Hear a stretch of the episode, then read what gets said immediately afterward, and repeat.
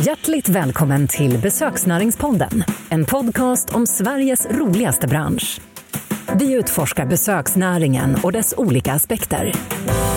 Här möter vi entreprenörer, profiler och branschledare för att få deras personliga insikter om aktuella trender, utmaningar och möjligheter inom besöksnäringen. Bakom mikrofonen hittar ni Niklas Ingvall som med sin breda erfarenhet från besöksnäringen leder de spännande mötena. Luta dig skönt tillbaka, för nu kör vi. Då är ni hjärtligt välkomna till ett nytt avsnitt av Besöksnäringspodden. Eh, och med mig idag har jag Amanda Hässle från Värdskapsbyrån som du driver och äger. Välkommen! Tusen tack. Ja, Jättekul kul att att vara här. Ja, och du tog dig hit med tåg hörde jag. Jag tog mig hit med tåg. Jag fick eh, mycket gjort på tåget för att det tog eh, ganska mycket tid. att åka. Var det fyra timmar extra? Ja, precis. Och det är så på vintertid Ja, med precis. tåget ibland. Var, var bor du någonstans? Utgår du? Jag bor ju utanför Torsö, eller utanför Mariestad på Torsö. Eh, Det är alltså Västergötland, gamla Skaraborg. Just det. Så jag, är ju, jag har ju min bas där kan man säga. Mm. Men sen är jag ute och far och flänger en hel del. Men Just där det. har jag min bas och jag trivs jätte, jättebra där. Så jag, Hur hamnade du där från början? Ja du, jag brukar säga att det var Göta kanals fel. Eller så kanske också en svensk sjömans fel. Låt det vara osagt. Okej, det var kärleken som förde dig dit, låter det Ja, som. Ja, precis. härligt. jo, men så är det. Absolut. Vad, vad gör eh, Värdskapsbyrån?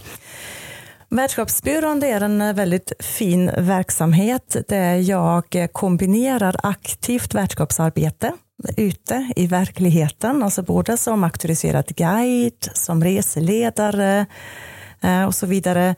Eh, Och eh, jag håller också i föreläsningar. Så jag kombinerar aktivt värdskapsarbete och alla erfarenheter och insikter från alla mina diverse uppdrag runt om i Norden. De liksom paketerar jag in i mina föreläsningar. Så då åker jag runt i hela Sverige och föreläser om just begreppet värdskap och bemötande. Om man ska gå in på det då, värdskap. Vad, vad är ett gott värdskap? Vad skiljer ett gott värdskap från ett mindre bra värdskap? Ja, hur mycket tid har vi på Ja, oss? vi har Jag en skulle timme nog kunna ungefär, så göra- att det är, vi kör på här. Skämt åsido. Nej, men för mig är ju värdskap verkligen, eh, egentligen, för mig är det ett mindset. Och jag anser att man borde liksom ha det där i tankarna hela tiden, oavsett eh, på vilket ställe man jobbar på eller i vilket område. Um, värdskap är någonting som man hela tiden har med sig eller bör ha med sig. Eh, för det skapar ju just de här mervärdena för både gästen, för arbetsgivaren men också för sig själv. Och det är det jag försöker trycka på väldigt ofta, att det blir ju eh, också väldigt många fördelar för en själv om man själv har ett gott värdskap. Det kommer liksom tillbaka hela tiden till en. Och om man nu tänker tillbaka kanske 10-15 år tillbaka så har vi i vår näring kanske först och främst pratat om just service. Att det ska vara bra service, eller hur? Mm, stämmer. Eh, Och det är klart att det ska vara bra service. Men eh, just begreppet värdskap, det är så mycket bredare och djupare. Känns bra service, känns det som ett liksom bara, eh, vad kan man kalla det för, en hygienfaktor? Alltså det, det ska bara finnas. Och det räcker inte med det idag, utan man måste ta nästa och nästa och nästa steg. Är det så? Ja, men precis. Jag skulle vilja säga att eh, bra service kanske är en del av det fysiska värdskapet först och främst. Eh, det går ju att koppla till det digitala värdskapet också givetvis, men eh, precis som du säger så krävs det lite mer idag och det handlar ju väldigt mycket om just det här mötet mellan människorna. Eh, och då räcker det inte med, med liksom bra service i form av ja, men det finns en ren toalett och maten kommer i tid på restaurangen, utan då krävs det lite mer, eh, helt klart. Um, Och när du åker runt och, och inspirerar och har här inspirationsföreläsningarna om värdskap, vad, vad, vad, är, vad är det du trycker på? Vad är det som du vill förmedla till de som lyssnar? Ja, alltså först och främst så lyssnar jag ju alltid in lite grann eh, hur förutsättningarna är på en plats. Vad som är viktigt för dem, och lite historik, hur de har jobbat tidigare och vad kanske deras eh, utmaningar är. Men det jag egentligen först och främst vill trycka på det är just det här interna värdskapet. Eh, för det är där allting börjar egentligen. Om jag som arbetstagare inte trivs med mitt arbete och har kanske till och med en klump i magen på morgonen när jag vaknar, då finns det inte en chans att jag kan ha det här fina externa värdskapet gentemot mina gäster. Så jag brukar säga just att det interna värdskapet är egentligen A och O. Och, det Och då, jag. och då handlar det om ledarskap, tänker jag. Ja, Och precis. allt från, från ägare från vd ner i hela organisationen. Om, om du kommer ut till en arbetsplats eh, där du kanske märker att det här ledarskapet verkar inte riktigt finnas på plats, utan folk kanske har ont i magen när man går till jobbet. Mm. Hur, hur bemöter du det? Hur hanterar du det? För det har säkert hänt, eller? Ja, nej, men det händer ju, Ja. absolut. Alltså först och främst så, så ska vi ju alla veta, jag tror de flesta vet ju om det och tänker på det. Eh, våra gäster, de känner ju av allt det här. Alltså de känner ju av när personalen inte mår bra och inte har kul på jobbet. Eh, och det är därför det är så viktigt att trycka på det. Sen när jag själv som Amanda, som privatperson kommer till en verksamhet där det är så, så eh, ja, jag försöker ju liksom bemöta det och kanske ändå inte där precis där och då, men kanske efteråt kanske försöka ta ett samtal. För så pass yrkesskadad och värdskapsglad är jag ju att jag liksom vill förmedla mina tankar. Inte för att på något sätt påpeka negativa saker, utan just för att försöka och lyfta de här bra sakerna och försöka ja, men, ge dem lite tankeställare. För många gånger så, så finns det olika faktorer som spelar in. Det är ju ledarskapet såklart, men det kan ju finnas andra faktorer också som spelar in.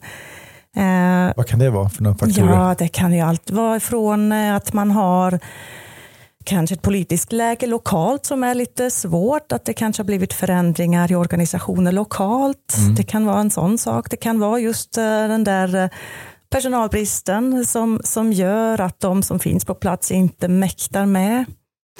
Eh, men jag vill påstå att det finns liksom en hel del verktyg i, i värdskapsverktygslådan som man då kan ta fram och, och försöka liksom att eh, jobba åt, åt rätt håll.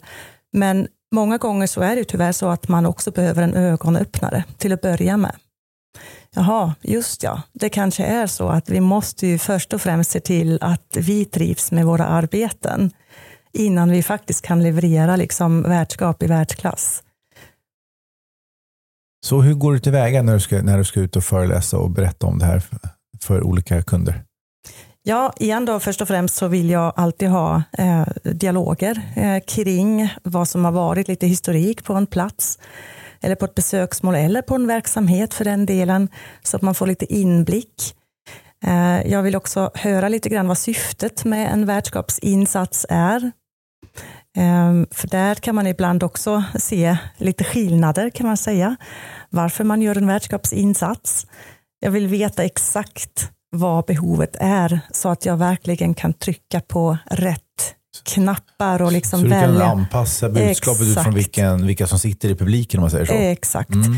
Ja, ibland så får jag frågan, Amanda kan du komma och prata värdskap i en timme? Mm. Och helst vill jag egentligen säga, nej det kan jag inte. Nej. Inte förrän jag har haft ett samtal med er.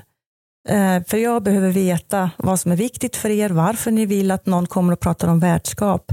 Jag vill att det faktiskt ska göra skillnad. Och jag vill gärna följa upp också. Så att, eh, så att jag verkligen känner att ja, men det här som jag har skickat med, att det har liksom gjort skillnad. Det är oerhört viktigt för mig. Och där har jag verkligen min, min tydliga verklighetsförankring. I och med att jag själv är ute i näringen så brinner jag ju verkligen för de här sakerna. Jag vill ju verkligen alla väl som kommer att lyssna på mig, inte bara själva uppdragsgivaren, utan också de som lyssnar. Och jag är liksom en av dem, så att säga. Jag vet hur tufft det kan vara, eller hur tufft det är väldigt ofta. När, när det inte har blivit som du har tänkt, när, när man har gäster som är missnöjda, när det är tekniska problem eller vad det nu kan vara för någonting. Um, Så att jag vill verkligen genuint göra skillnad. Det är oerhört viktigt. Så bara glida in någonstans och prata värdskap en timme och sen dra därifrån, det kan inte jag. Utan jag vill helst också vara på en plats en stund innan, om jag inte kanske redan känner till området lite. Jag vill liksom känna in hur är atmosfären här på torget eller på restaurangen eller på hotellet eller vad det är för någonting. Så det är oerhört viktigt. Så jag lägger otroligt mycket tid på förberedelser i olika former. Mm. Mm. Ja, det är viktigt tror jag, som du säger, att fånga just den arbetsplatsen, just de utmaningar som de har och just vad de behöver trycka på. Absolut, för det, ser så, det vet ju alla, det ser så olika ut. Liksom, så beroende på var man ligger i landet rent geografiskt, vilka olika säsonger man har. Igen då, hur ser organisationen ut? Det är så väldigt, väldigt olika. Mm. Och ibland så kan också det som har varit påverka fortfarande, även om det kanske har gått en 10, 15, 20 år så ligger liksom vissa saker kvar. Inom vissa... det sitter i väggarna brukar man säga. Ja, exakt. Ja, fast det gör inte det, det sitter i människorna. Ja, så är det så Precis. Är det. Ja, ja. Nej, så det är oerhört viktigt att verkligen kunna pricka helt rätt.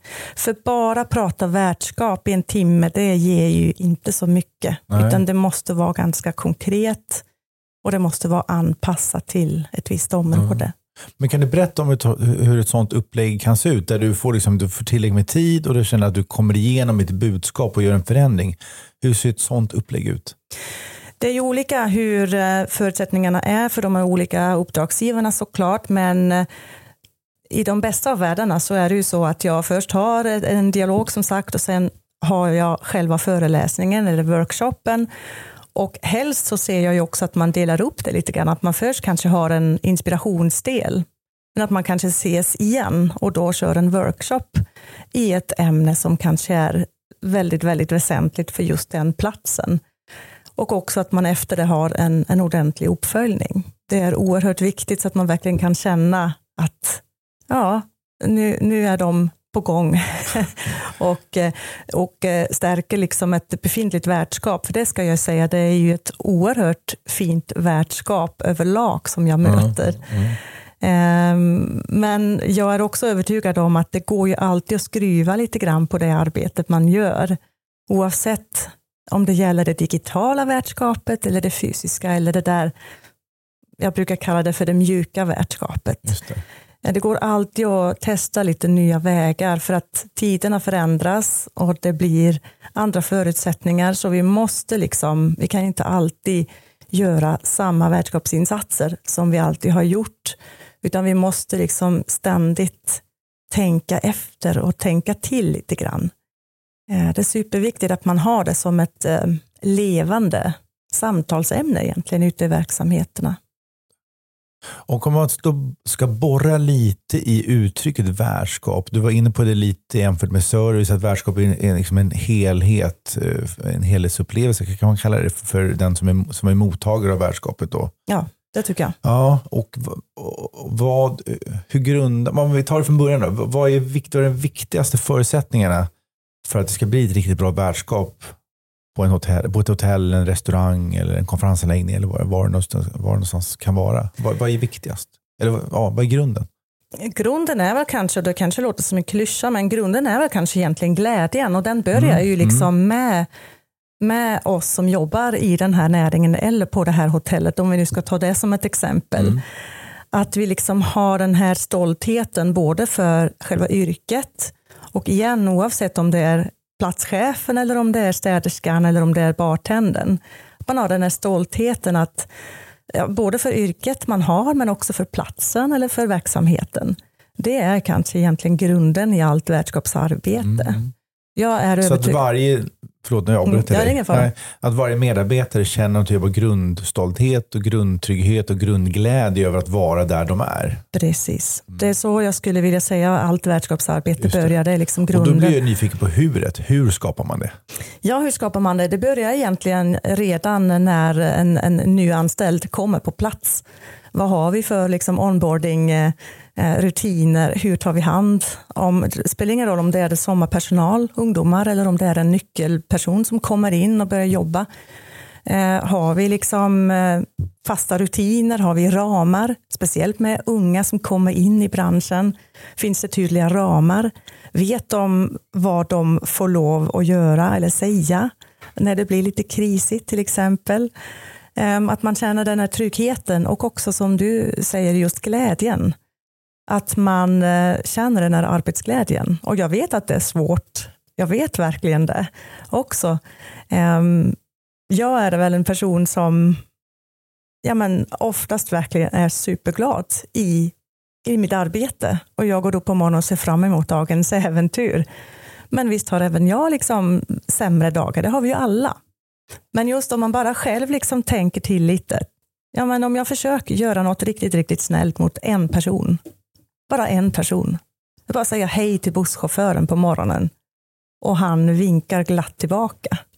Då har jag gjort både hans dag och min dag bättre. lite bättre. Mm. Och det är liksom så väldigt, väldigt små insatser egentligen som krävs. Och det gäller ju också som arbetsgivare gentemot mina arbetstagare då, eller mina kollegor eller medarbetare. Det kan vara en liten, liten sak. Och så, vi vet ju om det, att det är så med våra gäster. Vi vet att det är viktigt att försöka liksom göra det här lilla extra, det som gästen kanske inte har förväntat sig. Men det är ju minst lika viktigt att vi tänker på våra medarbetare och kollegor också, och anställda. Mm. Helt klart.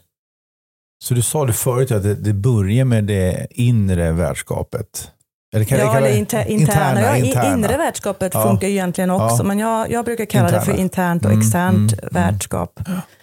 Och jag, jag kommer att tänka på nu när jag sitter här och pratar om det, under pandemin så jobbar jag på ett hotell i receptionen när alla mina andra uppdrag, både föreläsningar och eh, även mina guideuppdrag försvann i intet. Eh, då jobbade jag på ett hotell och där hade man verkligen den inställningen att vi ska först hjälpa varandra och se till att vi alla mår bra som jobbar här. Sen ska vi ta hand om gästen. Mm. Och Det var liksom som ett, nästan som ett mantra där.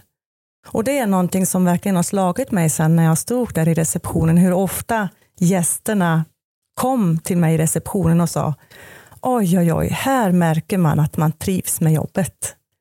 Och det är ju ett kvitto på, på allting egentligen. Och har man, har man den atmosfären, har man lyckats att skapa den, jag ska inte säga att det är lätt som en plätt att ha externt värdskap sen, men det blir ju definitivt eh, enklare, mm. helt klart. En bättre och stabilare grund att stå på. Absolut. Mm. Nu var inne på det lite, men hur ser värdskapet ut i Sverige på svenska besöksanläggningar liksom generellt? Vad tycker du, vad är ditt, vad är ditt intryck av, om man kallar det för svenska värdskapet? Ja, men precis. Jo, men det svenska värdskapet tycker jag egentligen överlag är väldigt, väldigt fint. Absolut. Ehm, och jag har ju också den stora förmånen i och med att jag är ute med, med olika grupper ifrån olika marknader Alltså jag jobbar ju med väldigt många olika nationaliteter och jag får då också möjlighet att väldigt ofta prata med mina gäster just om värdskapet eller hur de har upplevt saker och ting eh, här i Sverige exempelvis nu då. Och många gånger så kommer de ju också berätta saker för mig utan att jag ens frågar. Eh, så jag har ett intryck av att det är ett väldigt, väldigt fint värdskap.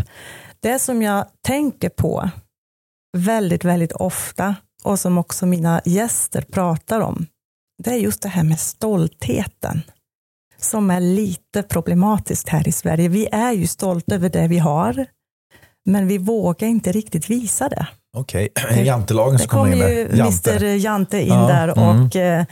och ställer till det lite för oss.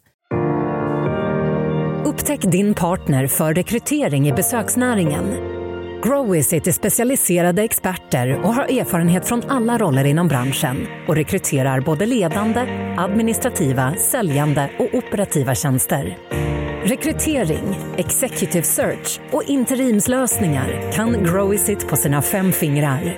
Välkommen till Growvisit. Vi rekryterar för besöksnäringen. Men det är någonting som jag eh, verkligen försöker liksom att förmedla, liksom, visa den här stoltheten, för vi har ju den inom oss, vi har ju den här. Men vi behöver bli bättre på att visa det. Vi, vi kan inte sitta i Göteborg och, och eh, servera räkor och så säger gästen, åh det här var ju riktigt goda räkor. Och så säger vi själva att ja, ja, men det finns ju på fler ställen. Det funkar liksom inte. Utan vi ska tänka på italienarna som pratar med väldigt mycket kärlek om parmesanosten eller vad det nu är för någonting. Um, vi är väl lite på gång på vissa ställen, men generellt sett, om vi nu ska generalisera lite mm, grann, mm. så är det just det här med stoltheten som jag anser saknas lite grann. För det är också någonting som, som gästen känner av och som gästen faktiskt vill uppleva på något sätt. Ja. Och det lyser igenom tänker jag också. Om man känner sig stolt över någonting och vill våga visa det så, Absolut. så känns det eh, som en positiv känsla. Absolut, mm. så är det verkligen. Något som jag vet att du också jobbar med på den föreläsningen det är att, att jobba med utländska gäster. Ja. Vad finns det för skillnader där och vad är det för sociala koder som man bör känna till? Ja, äh, även där skulle jag kunna fylla flera timmar nu. Men vi kan väl faktiskt... Du får liksom ge lite precis, teaser. Så. Lite så, teaser. teaser. Nej, men jag, jag kan nästan ähm, koppla tillbaka lite grann till det här med stoltheten igen. Um, för att jag tänker så många gånger att vi borde ju också liksom berätta lite mer kring hur vi har det, hur vi gör saker och ting. För det är ju liksom det som våra utländska gäster vill uppleva. De tycker det är superhäftigt att få en termos i, i handen på morgonen fylld med bryggkaffe och få med sig det på en liten guidad vandring längs med Göta kanal eller vad det nu är för någonting. Eh, och att vi också pratar om det. Så här gör vi i Sverige. Det här är så vi gör. Och det är sådana saker som de vill uppleva. Och lyckas vi då ta betalt för de här grejerna också så är ju det klockrent. Um, så då, om man bara får stanna där, då handlar det kanske mer om att berätta hur vi gör än att vi ska anpassa oss till de utländska gästerna? Absolut. Mm. Det är För det tror jag många kanske tänker tvärtom, att man måste anpassa sig. Ja, men precis. Och jag menar om man tänker på de här platserna där man kämpar lite med överturism och sådär. Där anser jag att man kanske har missat tåget lite grann, att man inte har talat om att så här gör vi i Skandinavien. Just det. Och så här gör vi inte. Exempelvis. Nu då. Jag kan bara dra ett exempel som jag kommer att tänka på nu. Um, för ett par år sedan när jag hade hand om en tysk grupp och efter några dagar så kommer en av damerna till mig, hon kanske var i 70-årsåldern eller någonting. Och så kommer hon till mig och säger, Amanda jag måste ändå prata om en sak med dig. Och jag tänkte att oj, nu blir det spännande, undrar vad hon kommer med nu då. Ja. Vet du, innan vi kom ombord här och mötte dig så var vi i Stockholm i några dagar. Och vi har ju hört så mycket om det här med fika och kanelbullar och allt det här. Men vi kände oss inte välkomna överhuvudtaget på något av kaféerna vi var inne på. Och jag tänkte, hmm. Nej, men vi gick in och vi satte oss vid ett bord och vi liksom tog av oss våra jackor och väntade och väntade. Det var aldrig någon som kom. Och det är det jag menar att ja, men har vi inte berättat för våra gäster här i Sverige så går man fram till disken och man väljer en bulle och man väljer kaffe. Vet man inte om det, ja då är det ju självklart inte direkt en välkomnande känsla. Så det är ett sånt där exempel som jag kommer att tänka på här och nu.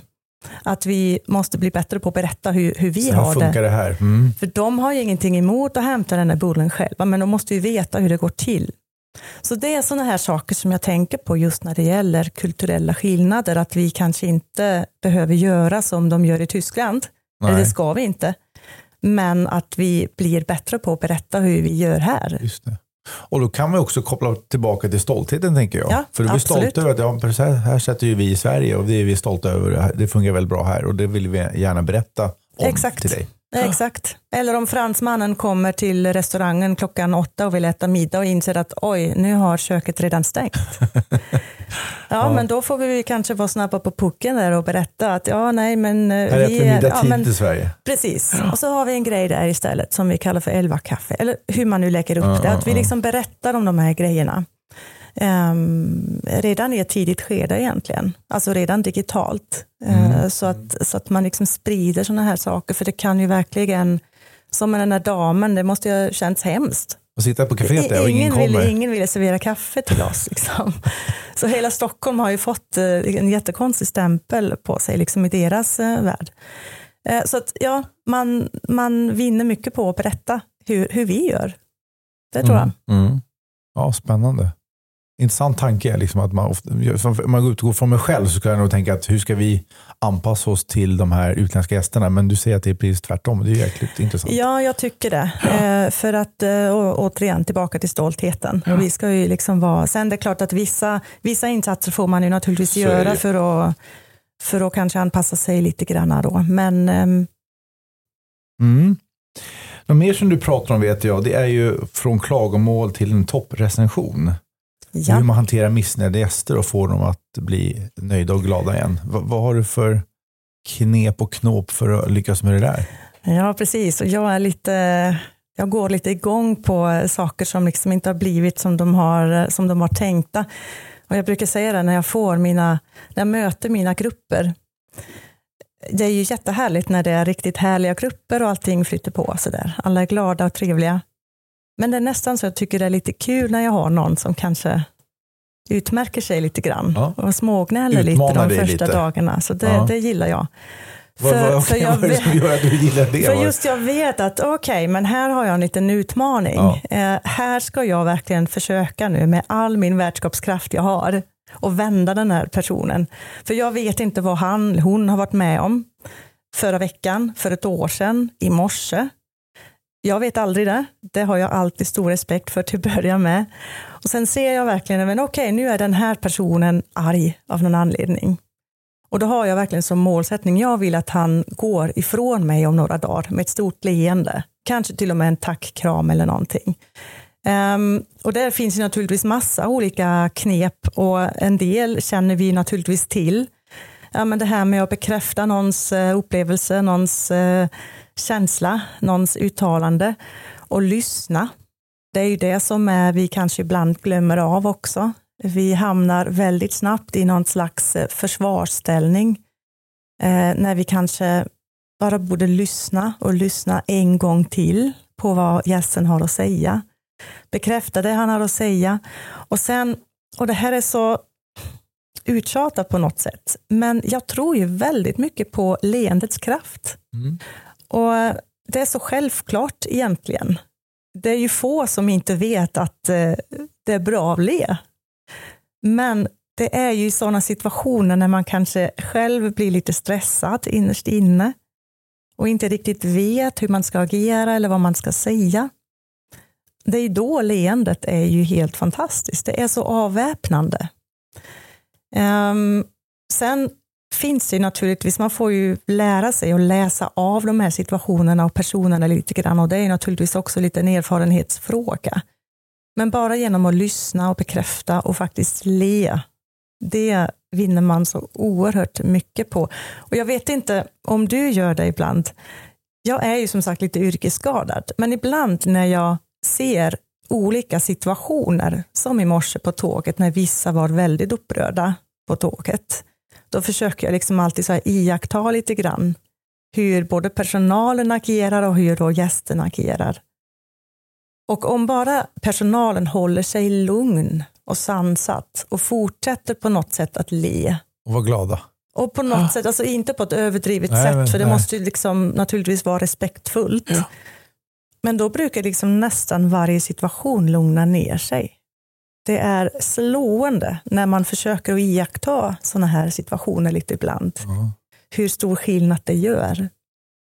Och sen kan man ju, som jag då, jag har ju oftast möjlighet, eller flera timmar eller dagar på mig med just den gästen då, som, som utmärker sig lite grann. Men då kan man ju emellanåt ta sig lite extra tid för den personen och kanske hitta något lite extra. Så det finns ju, det finns ju massa olika knep. Men, ehm, men just det du säger där med krishantering, det är ju när det blir kris ute på verksamheterna av olika anledningar, Alltså det, ibland så märker kanske inte ens gästen det. Har man det här fina värdskapet så kan krisen gå förbi gästen utan att han har tänkt på det. Eller också så blir krisen till en del av upplevelsen. Eller kanske till och med det bästa av hela upplevelsen.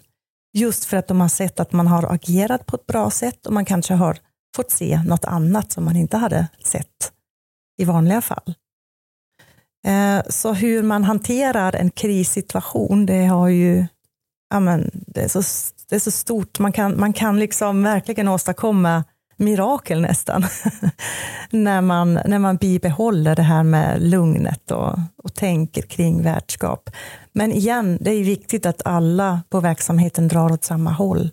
Och det är ju inte alltid så enkelt.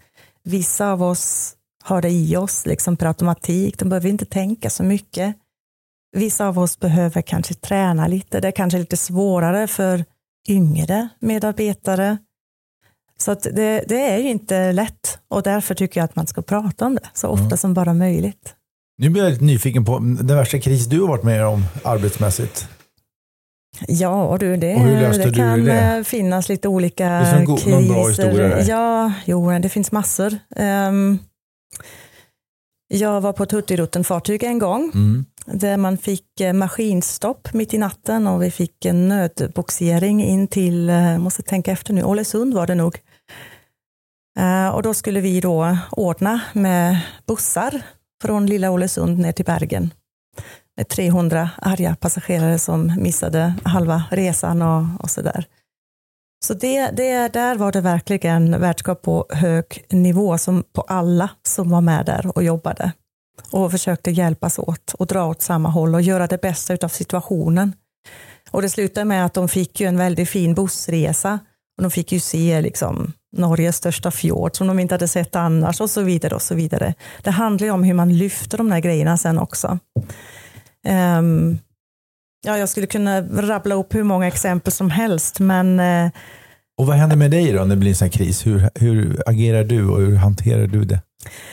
Som jag sa innan så går jag ju nästan lite igång Ja. på, på de här situationerna och det kanske inte jag borde säga här för att det kanske är en och annan uppdragsgivare som lyssnar sen. Nej men skämt åsido, jag, eh, jag, jag blir väldigt så här organisatorisk, speciellt om man är alltså, i ett team då. Om man är flera stycken som, eh, som ska hjälpas åt att lösa den här krisen.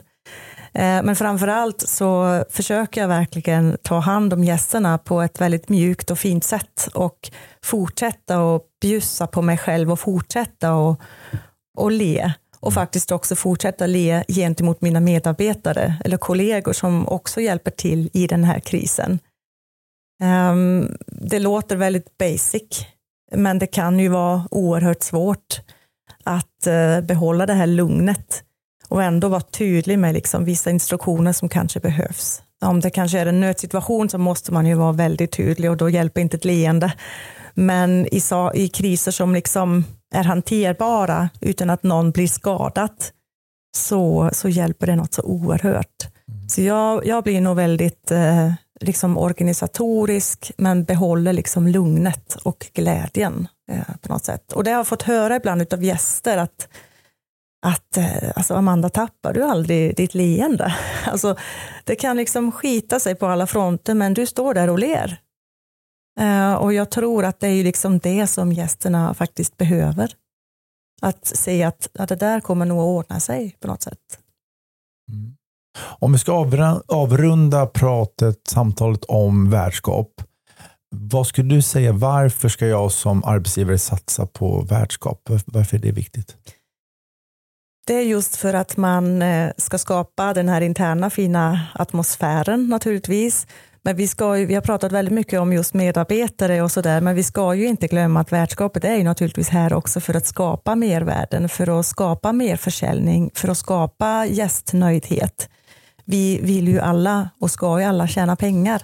Så det här är ju ingenting som vi bara gör för skojs skull och för vi tycker det är så himla roligt, utan vi, det hjälper ju till. Det är ju liksom ett jättefint verktyg till att skapa mervärden och fylla kassan helt enkelt. Eh, Så ja, det är eh, dels den fina atmosfären på arbetsplatsen men också tjäna pengar helt enkelt. Så du menar att det finns en direkt koppling mellan ett gott värdskap och lönsamhet? Absolut. Absolut. För det har mycket med det här att göra med återkommande gäster. Om du är supernöjd på eh, semester någonstans, då åker du gärna tillbaka dit. Och jag brukar ta upp det här exemplet till exempel med en restaurang. Om du tänker dig en favoritrestaurang som du har. Ehm, frågan är om du åker dit för att de har den godaste ryggbiffen eller för att de har bredaste utbudet av öl. Eller om du åker dit för att du upplever en så himla fin stämning där bland personalen. Och ofta, nio av tio fall, så är det just atmosfären på restaurangen som gör att vi gång på gång på gång kommer Just tillbaka. det. Och berättar om det kanske också? Ja, exakt. Och kommer tillbaka i olika sammanhang. Ena dagen är man kanske där med partner, nästa gång så är man där eh, efter ett styrelsemöte eller vad det nu är för Mm. någonting. Så att det påverkar, absolut. Och jag brukar också nämna värdskapet just eh, i samband med säsongsförlängning. Och vad Ehm. menar du med det? Säsongsförlängning? Ja, men det har också lite med det att göra om nu eh, någon kanske är på konferens på en anläggning under våren eh, med jobbet och så upplever de att det har varit väldigt fint värdskap och ett väldigt härligt ställe på många olika sätt. Ja, men då kanske man åker dit på sommaren med familjen eller till hösten med grabbgänget eller vad det nu kan vara för någonting. Så det har stor inverkan på våra gäster, det här med fint värdskap. Och tvärtom blir det ju tyvärr, om det inte är bra, så sprider man ju det tyvärr till många, många fler. Vi funkar ju så, det vet vi ju alla. Uh, så att um, ja, det är ett viktigt verktyg verkligen, mm, mm. helt klart. Mm. Det är kraftfullt. Ja, det är det. Men om din resa då, om vi pratar om värdskap nu och eh, du guidar och du brinner för det här. Vad, vad kommer, vad kommer det ifrån? Ja, jag visste nog ganska tidigt egentligen redan eh, på högstadiet var att jag ville göra någonting med mm. resor. Så det var ganska klart för mig. Så jag gick, jag är född och uppvuxen i Schweiz kanske jag ska lägga till. Det kanske är en och annan som funderar lite på hur jag pratar egentligen. Du pratar väldigt fint. Tack. Ibland eh, när jag föreläser så brukar jag ställa frågan, är det någon som vågar sig på att gissa varifrån jag kommer? Ibland får jag höra Göteborg, ibland får jag höra Norrbotten, ah, ibland får jag höra Nordnorge, blir jätteglad naturligtvis. Men jag är född och uppvuxen i Schweiz och gjorde en klassisk resebyråutbildning där nere. Så jag sålde både privatresor och eh, affärsresor och hamnade så småningom hos en Skandinavien-researrangör som skickade mig på studieresa till Göta kanal och Sverige. Och på den vägen är det. Egentligen. Och när var det här? Det här var ju, jag flyttade 1999. Så jag var väldigt ung då. Så jag har ju levt längre i Sverige nu eh, än, än i Schweiz. Ja. Eh, så. Men jag har ju rötterna kvar naturligtvis och det ger mig också en väldigt fin förståelse för just eh, i alla fall den tysktalande marknaden. Eh, så det är väldigt lätt då för mig att jobba med den. Alltså dels för språket givetvis, men också för att jag har lite pejl på ja, men de här kulturella skillnaderna och, och sociala koderna som du nämnde förut. Um, ja, och sen dess så har jag även här i Sverige jobbat inom besöksnäringen, jobbade först på en affärsresebyrå, har sen jobbat uh, i tio år ungefär på en incomingbyrå mm. och har sen startat eget då, där jag kombinerar som sagt uh, värdskapsföreläsningar och utbildningar med aktivt värdskapsarbete. Och hur länge har du gjort det? Det är snart uh, eh, 13 år sedan nu. Så nu startar eget? Ja, precis. Aha, Sen har jag väl länge. gått lite mm. på halvfart och har lite, haft lite anställningar så vid sidan av. Eh, men sen eh, tog det fart och eh, jag är glad att jag har tagit mig igenom pandemin ja. faktiskt starkare än någonsin. Så att, nej, jag är nöjd och det känns fint att ha de här kontrasterna verkligen i min tillvaro. Ena dagen sitter jag och pratar här i en podd. Andra dagen så åker jag båt någonstans längs med Norges kust. Tredje dagen så tar jag hand om en grupp i Göteborg. Eh, så det är väldigt, väldigt spännande. Väldigt många olika slags uppdrag, men alltid som sagt med just värdskapet som röd tråd. Så är det. Mm. Hur var det att komma till Sverige då som tonåring kanske då, eller 20-åring? Eh, ja, 19 var jag. Ja, 19. ja men precis. Mm. Eh, vilka kulturella skillnader såg du? Vilka, vad var det för utmaningar? Mm, ja, alltså det, det som jag kommer att tänka på nu är ju faktiskt just skillnaden Oj, ursäkta mig. Skillnaden äh, stad, ja, men precis, stad och landsbygd, det ja. var en väldigt stor skillnad. Jag bodde först i Göteborg i två år eftersom min, ja, min dåvarande man då, eller partner pluggade fortfarande.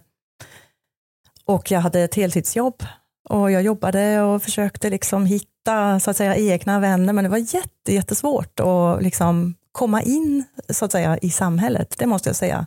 Men sen när vi flyttade till landsbygden, då blev det genast väldigt mycket enklare.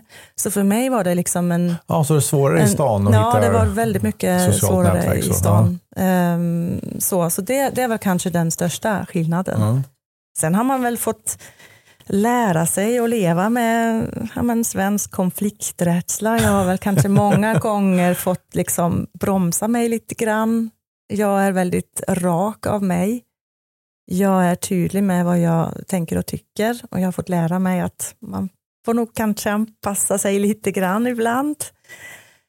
Men det är just sådana här saker som jag också älskar. Jag älskar att se sådana här skillnader. Eh, oavsett nu om det handlar om den svenska kulturen eller vilken annan kultur som helst. Det är superspännande. Och det, det är därför jag är så tacksam också att jag får eh, vara med om så mycket och få prata med så många olika människor från, från hela världen. och vara del av deras upplevelse av Sverige eller Skandinavien. Då. Så det är fantastiskt verkligen. Vad du saknar mest med, med Schweiz? Mest med Schweiz, ja, förutom bergen då får jag ändå säga, så är det nog kanske just brödkulturen. Aha. Ja, att man kan gå till bagaren i byn och köpa grejer. Och, så det är väl kanske det. Eh, så. Svenskt bröd fun- funkar inte eller? Nej, inte riktigt eh, så på samma samma kvalitet, sätt. nej. Nej, det, det, är något, det är lite svårt att sätta fingret på exakt vad det är. Men eh, ja, den, svensk, eller den schweiziska brödkulturen. Men jag ska också säga att jag har ju blivit så pass eh, svensk. Eh, Så när jag är i Schweiz, eh, kanske två eller tre veckor, så, så saknar jag ju Sverige och svenskarna något så oerhört. Eh, Så jag har rötterna Vad du saknar då? då? Ja, men det är väl kanske just, det finns en annan, jag tycker man är tillfreds på ett annat sätt här i Sverige. Generellt sett menar jag nu. Ja, Jaha, okej. man har en helt annan, eh, ett helt annat lugn här. Jag tycker det, det gnälls mindre, man är väldigt nöjd med Det det, är man bra har. för svenskar att höra tror jag. För Ja. jag tror vi ser på oss själva som ett ganska gnälligt folk, men det tycker inte du? Nej, faktiskt inte. Nej. Och jag kan komma tillbaka till tågresan här nu i, i Ja, morse. Ja. Alltså kommer tåget tio sekunder för sent till Schweiz så blir alla liksom helt galna på perrongen och undrar och nästan skriker höll jag på att säga. Men här i Sverige, de allra flesta sitter ändå lugnt och tar en kopp kaffe och tänker att ja, ja, det ordnar sig nog förr eller senare. Jag är väldigt generaliserande nu Såklart, givetvis, såklart. men eh, nej, men det finns, eh, man är tillfreds här på ett annat sätt. Eh, och det känner, jag mig väldigt, ja, det känns väldigt rätt för mig. Härligt Mm. att höra. Jag tänker att vi börjar närma oss slutet på det här samtalet. Är det någonting som du vill tillägga eller som du vill liksom berätta som jag inte har frågat om? Nej, inte vad jag kan komma Nej, på. Alltså det, det är klart att tankarna rullar ju Ja, naturligtvis när ja, man sitter och har ett samtal här om, om värdskap. Men jag kan väl bara kanske skicka med liksom, till alla som lyssnar och om ni inte redan gör det. Eh, ha lite värdskapsfika ibland ute på verksamheterna eller träffas liksom med, med andra verksamheter. Eh, man kanske inte alltid behöver uppfinna hjulet på nytt. Man kanske kan utbyta erfarenheter. Hur gjorde ni då när det blev si och så? Att man pratar om det. Så det kanske jag vill skicka med till alla som lyssnar. Prata mer om värdskap. Vilket bra Ännu tips. mer. Ja. Det får bli slutorden. Eh, Mm. Stort tack till dig Amanda Hässle för att du har varit med i ett avsnitt av Besöksnäringspodden. Det är jag som tackar. Ja, härligt och vi hörs snart igen. Tack så mycket. Hej hej.